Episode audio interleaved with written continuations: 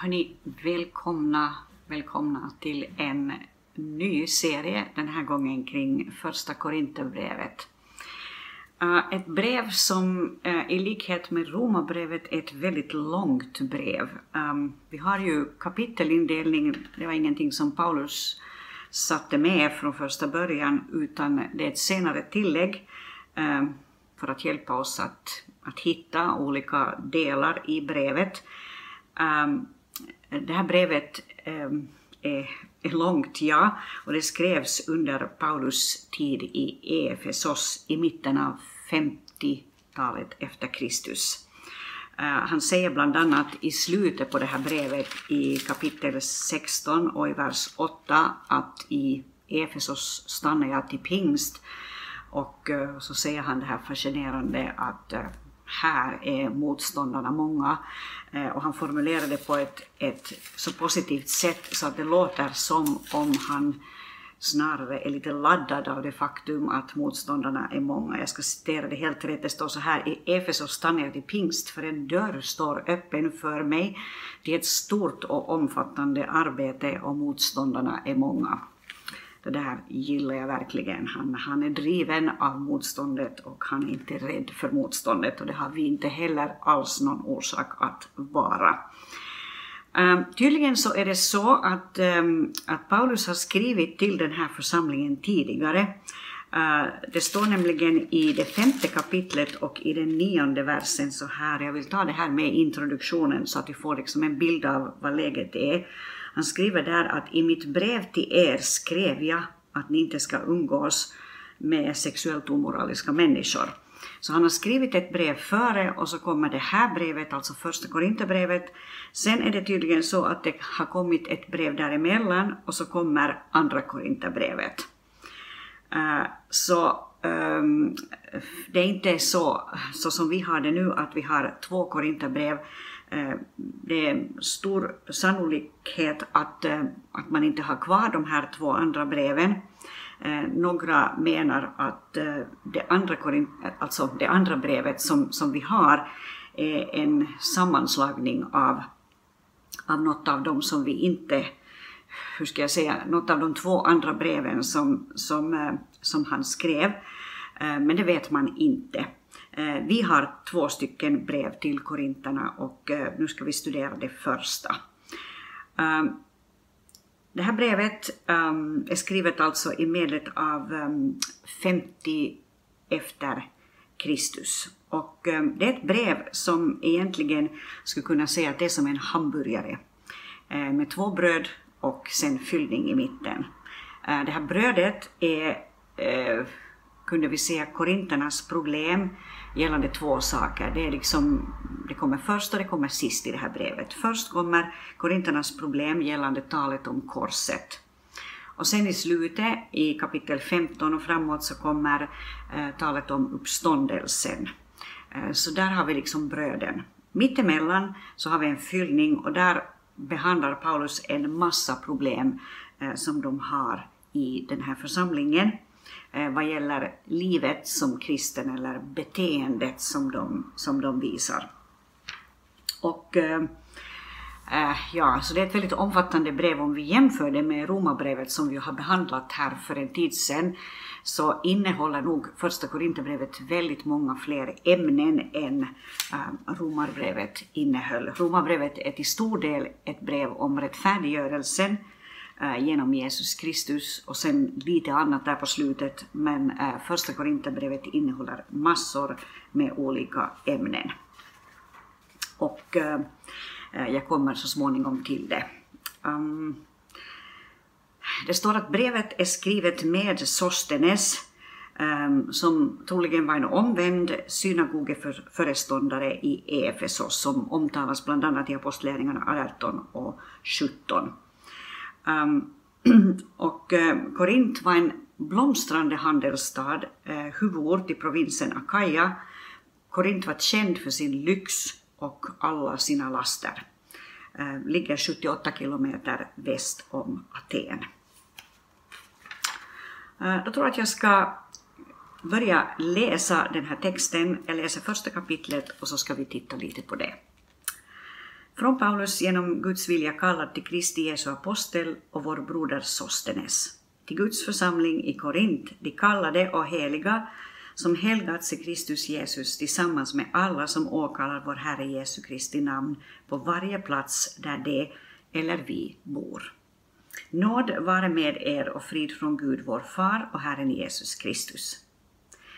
Jag tackar alltid min Gud för er, för den Guds nåd som ni har fått i Kristus Jesus. I honom har ni blivit rika på allt, på allt tal och all insikt, eftersom vittnesbördet om Kristus har fått stadigt fäste hos er. Därför saknar ni inte någon nådegåva medan ni väntar på att vår Herre Jesus Kristus ska uppenbaras. Han ska också styrka er ända till slutet, så att ni inte kan anklagas på vår Herre Jesu Kristi dag. Gud är trofast, han som har kallat er till gemenskap med sin son Jesus Kristus, vår Herre. I vår Herre Jesu Kristi namn uppmanar jag er bröder att ni ska alla vara eniga i det ni säger och inte låta splittring finnas bland er, utan stå enade i samma sinne och samma mening. Av Kloes folk har jag nämligen fått veta om er bröder att det förekommer stridigheter bland er. Vad jag menar är att ni var och en säger ”jag håller mig till Paulus” eller ”jag håller mig till Apollos” eller ”jag håller mig till Kefas” eller ”jag håller mig till Kristus”. Är Kristus delad? Det var väl inte Paulus som blev korsfäst för er? Eller var det i Paulus namn ni blev döpta? Jag tackar Gud för att jag inte har döpt någon av er, utom Crispus och Gaius, så att ingen kan säga att ni blev döpta i mitt namn. Jo, Stefanas familj har jag också döpt, annars vet jag inte om jag har döpt någon annan. Kristus har ju inte sänt mig för att döpa, utan för att predika evangeliet, men inte med en vältalig vishet så att Kristi kors förlorar sin kraft. Ordet om korset är en dårskap för dem som går förlorade, men för oss som blir frälsta är det en Guds kraft. Det står ju skrivet, jag ska göra slut på de visas visdom och förkasta de förståndigas förstånd. Var är de visa? Var är de skriftlärda? Var är den här världens debattörer? Har inte Gud gjort den här världens visdom till dårskap? När världen inte genom sin visdom lärde känna Gud i hans vishet beslöt Gud att genom den dårskap vi förkunnar frälsa dem som tror. Judarna begär tecken och grekerna söker vishet, men vi predikar Kristus som korsfäst. För judarna en stötesten och för hedningarna en dårskap. Men för de kallade, både judar och greker, predikar vi Kristus som Guds kraft och Guds vishet. Guds dårskap är visare än människor och Guds svaghet är starkare än människor. Bröder, se på er egen kallelse. Inte många av er var visa på världens sätt. Inte många var mäktiga, inte många förnäma. Nej, det som för världen var dåraktigt utvalde Gud för att förödmjuka de visa och, för, och, förlåt, och det som för världen var svagt utvalde Gud för att ödmjuka det starka. Och det som för världen var obetydligt och föraktat och inte fanns till, det utvalde Gud för att tillintetgöra det som fanns till, för att ingen människa ska berömma sig inför Gud. Tack vare honom är ni i Kristus Jesus. För oss har han blivit vishet från Gud, rättfärdighet, helgelse och återlösning, för att det ska bli som det står skrivet, den som berömmer sig ska berömma sig av Herren. Vi kunde sätta en rubrik för det här kapitlet och det skulle kunna vara rubriken Bara Jesus. Han säger här, här i slutet att det ska bli som det står skrivet, den som berömmer sig ska berömma sig av Herren. Allt ska gå tillbaka till Jesus. Allt i våra liv ska peka mot Jesus. Den sång som på något sätt ska tona ur vårt liv ska vara en tacksamhetssång till Jesus och en kärlekssång till Jesus. All right, då går vi till början.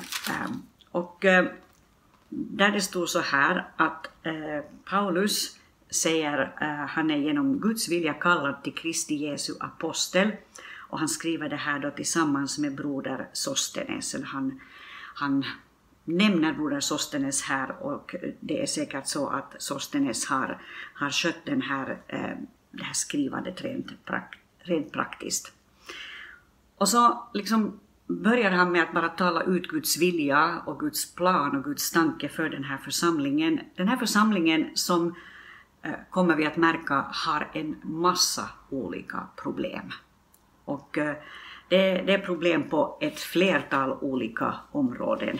Eh, jag kan bara nämna eh, några områden för dig här, eh, bara jag hittar min lilla lista här. Det är ett, det är ett stort antal problem som, som de kämpar med. Det är till exempel splittring, hittar vi i, i det första kapitlet, det som vi just har läst. Det är problem med omoral, prostitution, till exempel. Eh, det är rättstvister. Eh, det är problem i förhållanden mellan män och kvinnor. Eh, det handlar om mat som offras till avgudar fortfarande, trots att de har blivit kristna. I Nattvarden, där finns en hel del problem. Och det finns problem kring andens gåvor och hur man praktiserar andens gåvor. Så det är en massa olika saker som de kämpar med. Och samtidigt och det är det fascinerande, och det har jag sagt tidigare, så kallar Paulus dem för de kallade och de heliga som helgats i Kristus Jesus. Tillsammans med alla dem som åkallar Herren Jesu Kristi namn på varje plats. Han skulle ju bara kunna säga att ni är de som åkallar Herren Jesu Kristi namn och ni har verkligen orsak att göra det så som ni lever. Men han, han liksom sätter den där stämpeln från början på dem, att de är, och så här behöver de se sig själva, som de kallade och de heliga.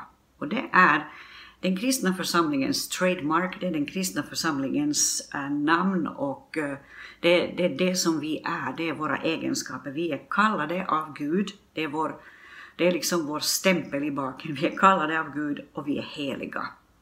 Sen kan det finnas, precis som det fanns problem här i Korint, kan det finnas problem i, i vårt eget liv och i våra gemenskaper. Och de behöver vi behandla, precis som Paulus vill behandla problemen här. Men den här um, identiteten är liksom orörd. Han, han, han uh, liksom skriver om deras identitet och han skriver om uh, deras självuppfattning egentligen, eller hur de ska uppfatta sig själva. Han tackar Gud för dem. Han säger sen här, eh, om vi går vidare lite i vers 4, så säger han att han tackar alltid Gud för dem Eh, för den Guds nåd som vilar över deras liv. Och det är ju inte bara liksom en sån här andlig eller religiös eh, stämpel eller ett uttryck som han säger, utan, utan han, han konkretiserar ju det på det här sättet. Han säger att, att i honom så har ni blivit rika på allt. Ni har tal och ni har all, ni har all, all form av tal och insikt Eh, vittnesbördet om Kristus har fått stadigt fäste hos er och han säger att ni saknar inte någon nådegåva, grekiskans karismati här. Eh, alltså, ni saknar inte någon nådegåva medan ni väntar på att vår Herre Jesus Kristus ska uppenbaras.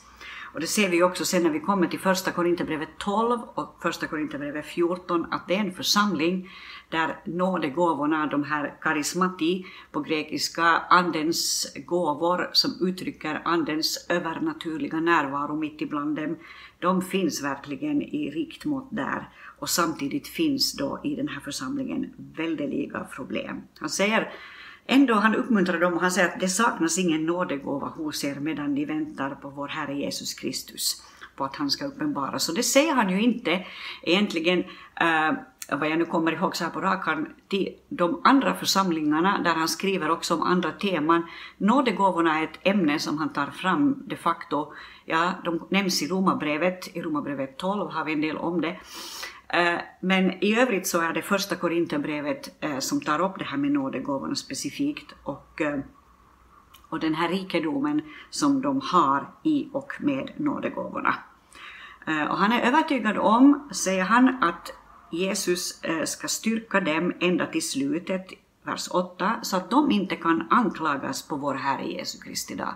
Trots allt det här vi kommer att läsa om som är väldiga problem i den här församlingen, så säger han ändå, det är liksom hans intro, och jag är så glad över det, han är liksom en sann, vad skulle vi kunna säga, en, en sann sån här pedagog, verkligen i det att han först kommer med eh, det här positiva, allt det de har, allt det de kan, allt det de har begåvats med i och genom Jesus Kristus.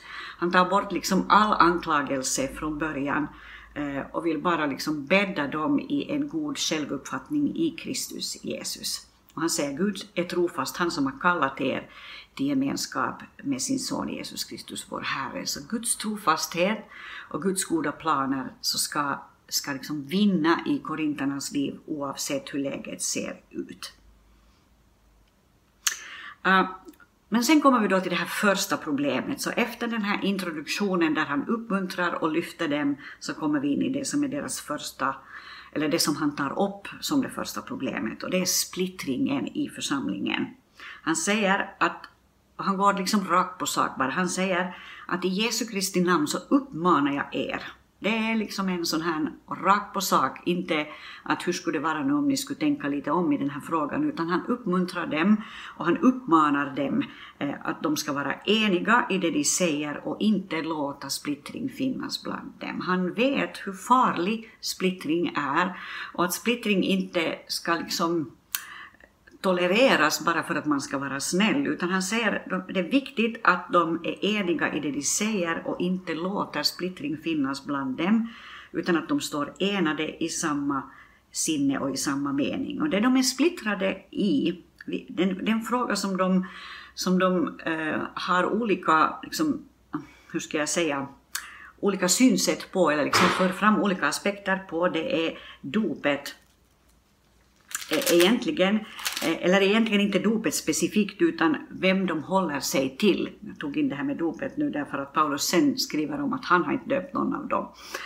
Eh, men, men det är inte dopet specifikt som Paulus nämner där i början utan han säger att vissa av er säger jag håller mig till Paulus och andra säger jag håller mig till Apollos och någon säger jag håller mig till Kefas, det vill säga Petrus, eller jag håller mig till Kristus. Och Paulus liksom kommer fram med en, en, en sån här spjutspets rakt där och säger att är Jesus Kristus delad?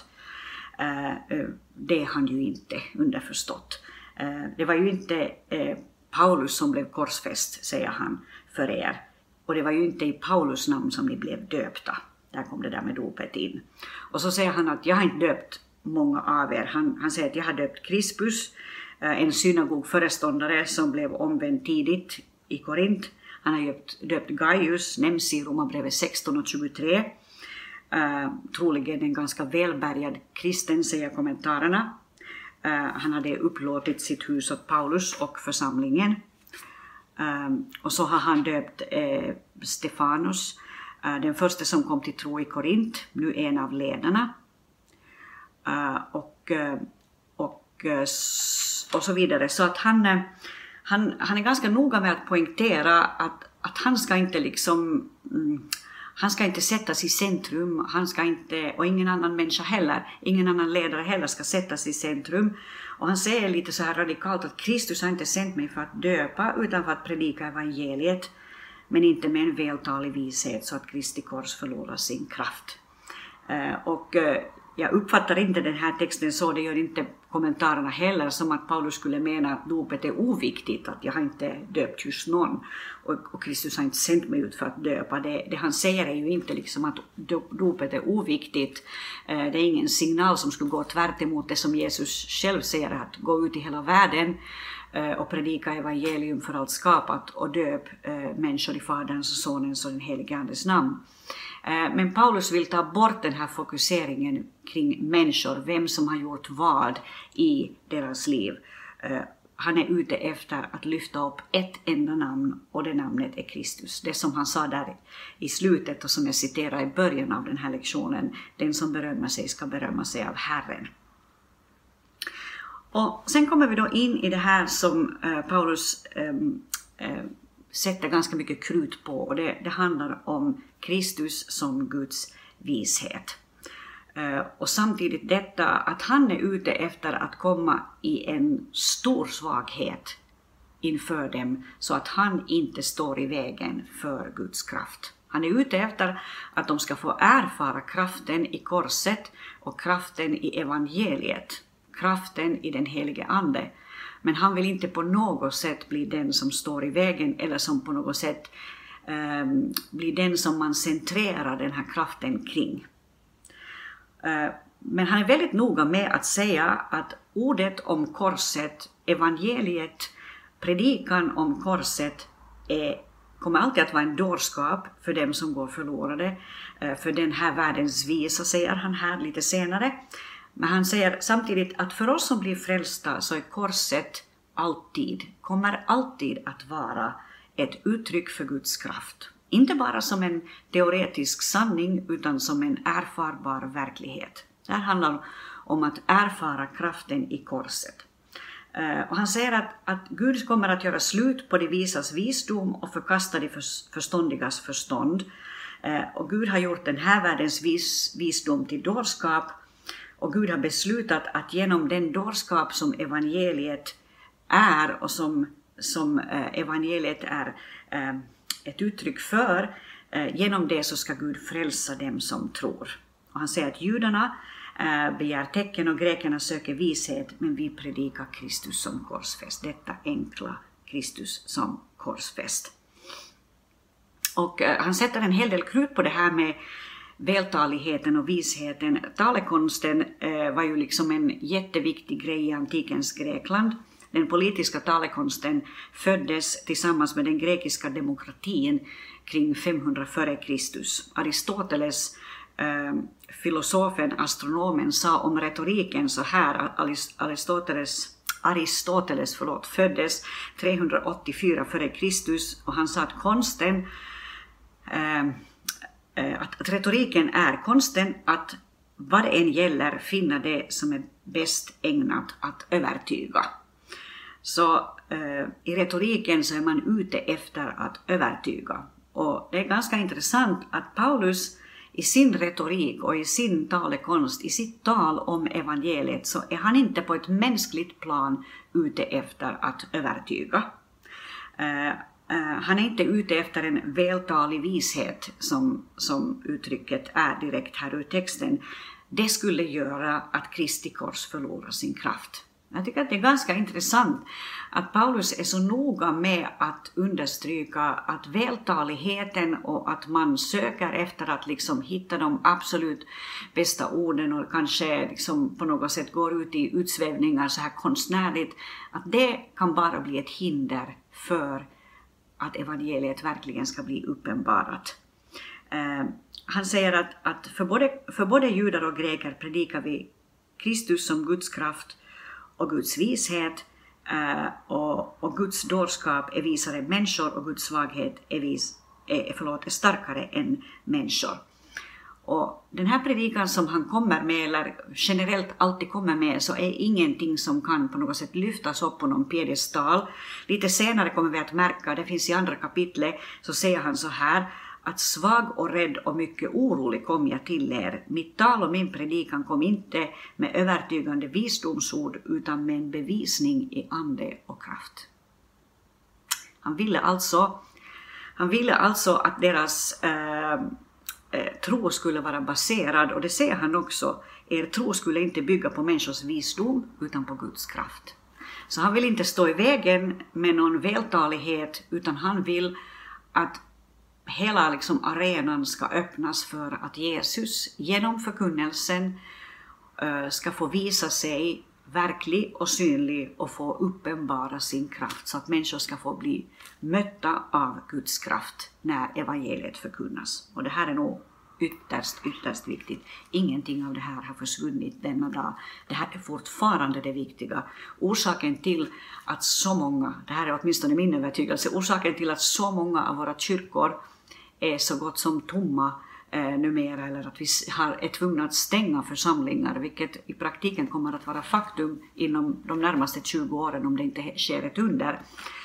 Eh, orsaken till att det är så, det är nog att vi har förlorat i många fall den här övertygelsen om den enkla förkunnelsen som ska eh, få ge eh, uttryck för och liksom bereda vägen för Guds kraft. Sen finns det också andra saker som vi behöver jobba med som församlingar. Men vi får aldrig förlora övertygelsen om att Gud vill göra sig synlig genom att uppenbara sin kraft. Och Paulus säger här att titta på er själva, inte många av er var visa på världens sätt, inte många av er var mäktiga eh, när ni blev kallade. Det som var dåraktigt i världen, det utvalde Gud för att förödmjuka de visa. Och, för, och det som för världen var svagt utvalde Gud för att förödmjuka det starka.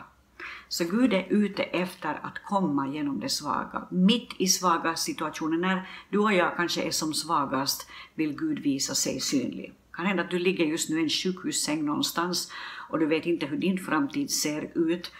Också där kan Gud manifestera sig och människor runt omkring dig, de som sköter om dig, läkare, sjuksköterskor eller andra sjuka som finns i samma rum eventuellt, kan få uppleva detta, att Gud finns i ditt liv. Om du sätter fokus på honom, om du sätter eh, dina ögon på honom och liksom eh, öppnar din situation för Jesus Kristus och för hans kraft, så kan det få bli en, en uppenbarelse och en erfarenhet för de som finns runt omkring dig, så att de får uppleva att mitt i den här svagheten, mitt i det här sjukrummet, så fick jag uppleva Guds kraft genom den här människan som kanske inte hade mycket kvar av sitt liv.